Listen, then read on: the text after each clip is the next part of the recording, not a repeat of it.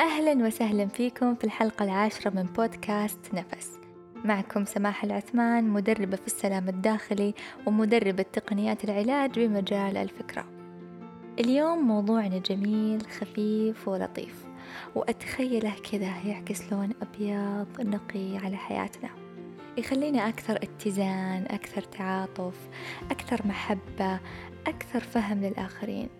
بمجرد ما أنك تفهم فكرته وتبدأ تطبقه في حياتك راح تشعر براحة نفسية عظيمة وراح تكون شخص أكثر توازن من الداخل قبل الخارج. القبول. القبول اللي أقدر أسميه مفتاح الوعي.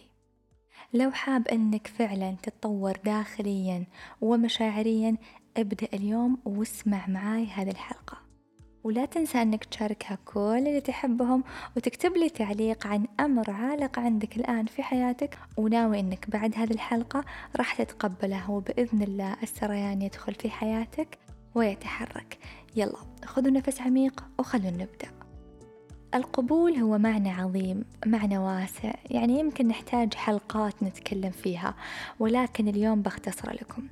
القبول هو عبارة عن شعور بالامتلاء. شعور أنك أنت قادر أنك تفهم الآخرين. شعور يخلي أمور حياتك تتحرك بسريان بسلاسة بسهولة كأنك راكب موجة. ما تقاوم هذه الموجة. جت الموجة عالية تدخل وتغوص داخل وتطلع من جديد. بس أنا أي قبول أقصد؟ أقصد قبول الذات قبول الآخرين قبول الظروف وكلها بناقشها معاك اليوم. إذا عندك أي مشكلة في هذه الجوانب ركز معي.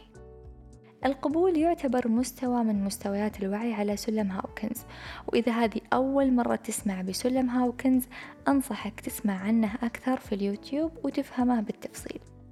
القبول هي مرحلة عالية نصل لها بعد ما نكون إيجابيين ولما نكون إيجابيين نتطور شوي بعدين نوصل لمرحلة اسمها مرحلة الشجاعة.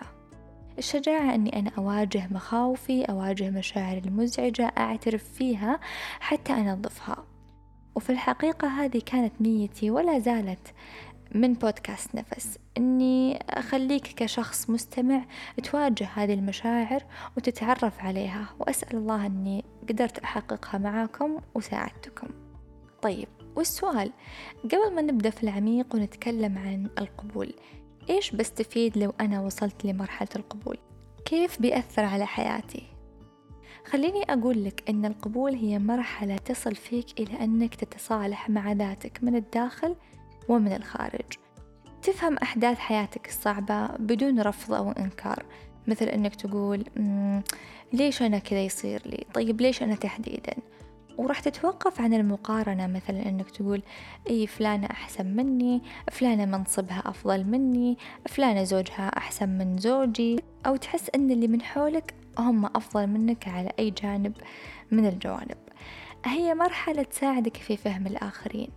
يعني تبدأ تفهم اختلاف الآخرين عنك بدون ما تحس أنك أنت لازم تقنعهم ولازم يتفقون معك في كل مرة. هي مرحلة التصالح مع الإيجو اللي عندك. أنك مو لازم تعرف كل شيء ومو ضروري أنت دائما تكون الصح في كل شيء وأن الحقيقة لها أكثر من وجه. هذا الإيجو اللي ممكن يخليك ترفض اختلاف الآخرين عنك مثل الناس اللي تلبس بطريقة مختلفة عنك أو الناس اللي تتكلم بصوت عالي بالنسبة لك أو الناس اللي ضد أي موضوع أنت مؤمن فيه. طيب هل قصدك يا سماح أني أكون مسلم كل شيء وما أحاجج في ولا شيء. وخلاص أخلي الأمور تمشي. يعني بدون أي تدخل مني ما أعطي رأيي. هل هذا قبول؟ لا هذا ما أسميه قبول. هذا أسميه سلبية. وفي فرق بين القبول وبين السلبية. وخلينا ناخذ مثال. لو شخص حاب يشتغل ويبحث عن وظائف بس تأخرت الوظيفة وما جتها كيف بيتعامل مع هذا الموضوع؟ لو كان هذا الشخص عنده قبول بيقبل هذا التأخير وبيقبل وضعه الحالي والظروف اللي يمر فيها ويعرف أنه لحكمة أو لسبب. ولكن راح يبدأ يدور عن حلول أخرى. راح يحاول يبحث عن حلول أخرى أمور أخرى تساعده وتدعم المرحلة اللي هو فيها. ولكن السلبية هو أنه راح يرفض هذا الواقع. وممكن نشوفه يبدأ يتذمر إن أنا حظي سيء ما في وظايف ويبدأ ينسحب شوي شوي بحجة إنه إيش؟ إنه ما في وظايف والدنيا واقفة. يعني حتى ما يحاول إنه يبحث عن حل أو طريقة ثانية تساعده. القبول دائما يخليك في دور الشخص القوي. حتى وإن كانت ظروفك قاسية دائما يخلي عندك شعور أنك أنت القوي اللي راح يقدر يجيب الحل. ولكن السلبية دائما تخليك تعيش دور الضحية وأنك المغلوب على أمرك وأن كل الدنيا ضدك. القبول يخليك تؤمن أن كل شيء في حياتك حتى وإن كان صعب عليك يحدث لسبب. أما السلبية؟ تخليك في حالة إنكار. ليش أنا يصير لي هذا الشيء؟ ليش حظي كذا؟ أوكي جميل حلو روعة. كيف نوصل لمرحلة القبول؟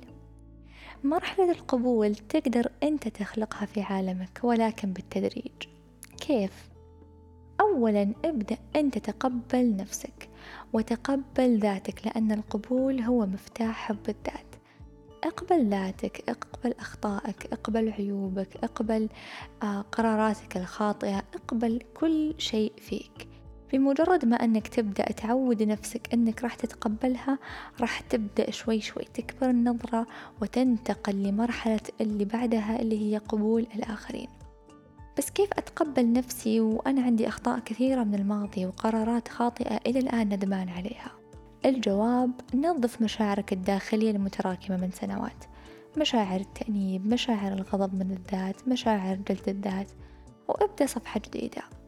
وإذا تحب أساعدك بتقنيات سريعة وفعالة تقنيات التي إف تي راح تجد على الموقع اللي رابطه موجود في وصف الحلقة برنامج التخلص من جلد الذات والتأنيب اللي يحتوي على تمارين طرق على نقاط معينة في الجسم خاصة لمشاعر التأنيب.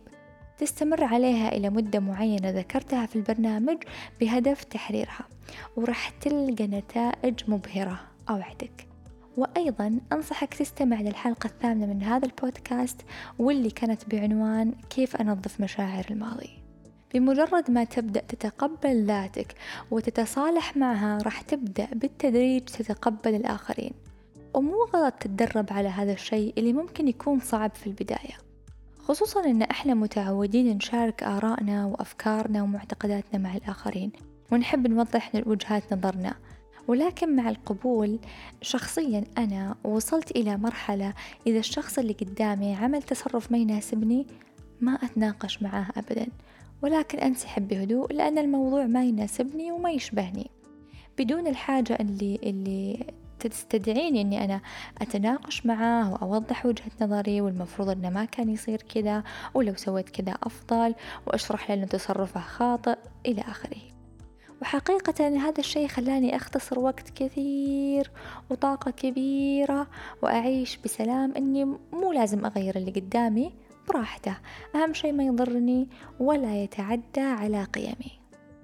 لذلك ابدأ بتدريب نفسك على تقبل الآخرين وأنك تنظر للمواضيع من زاويتهم حتى لو رأيك كان مختلف عنهم تماما ولكن حاول أنك تشوف الموضوع من زاويتهم هم كيف يشوفونه. تعلم أن الشخص الوحيد اللي تقدر تغيره هو أنت وليس الآخرين.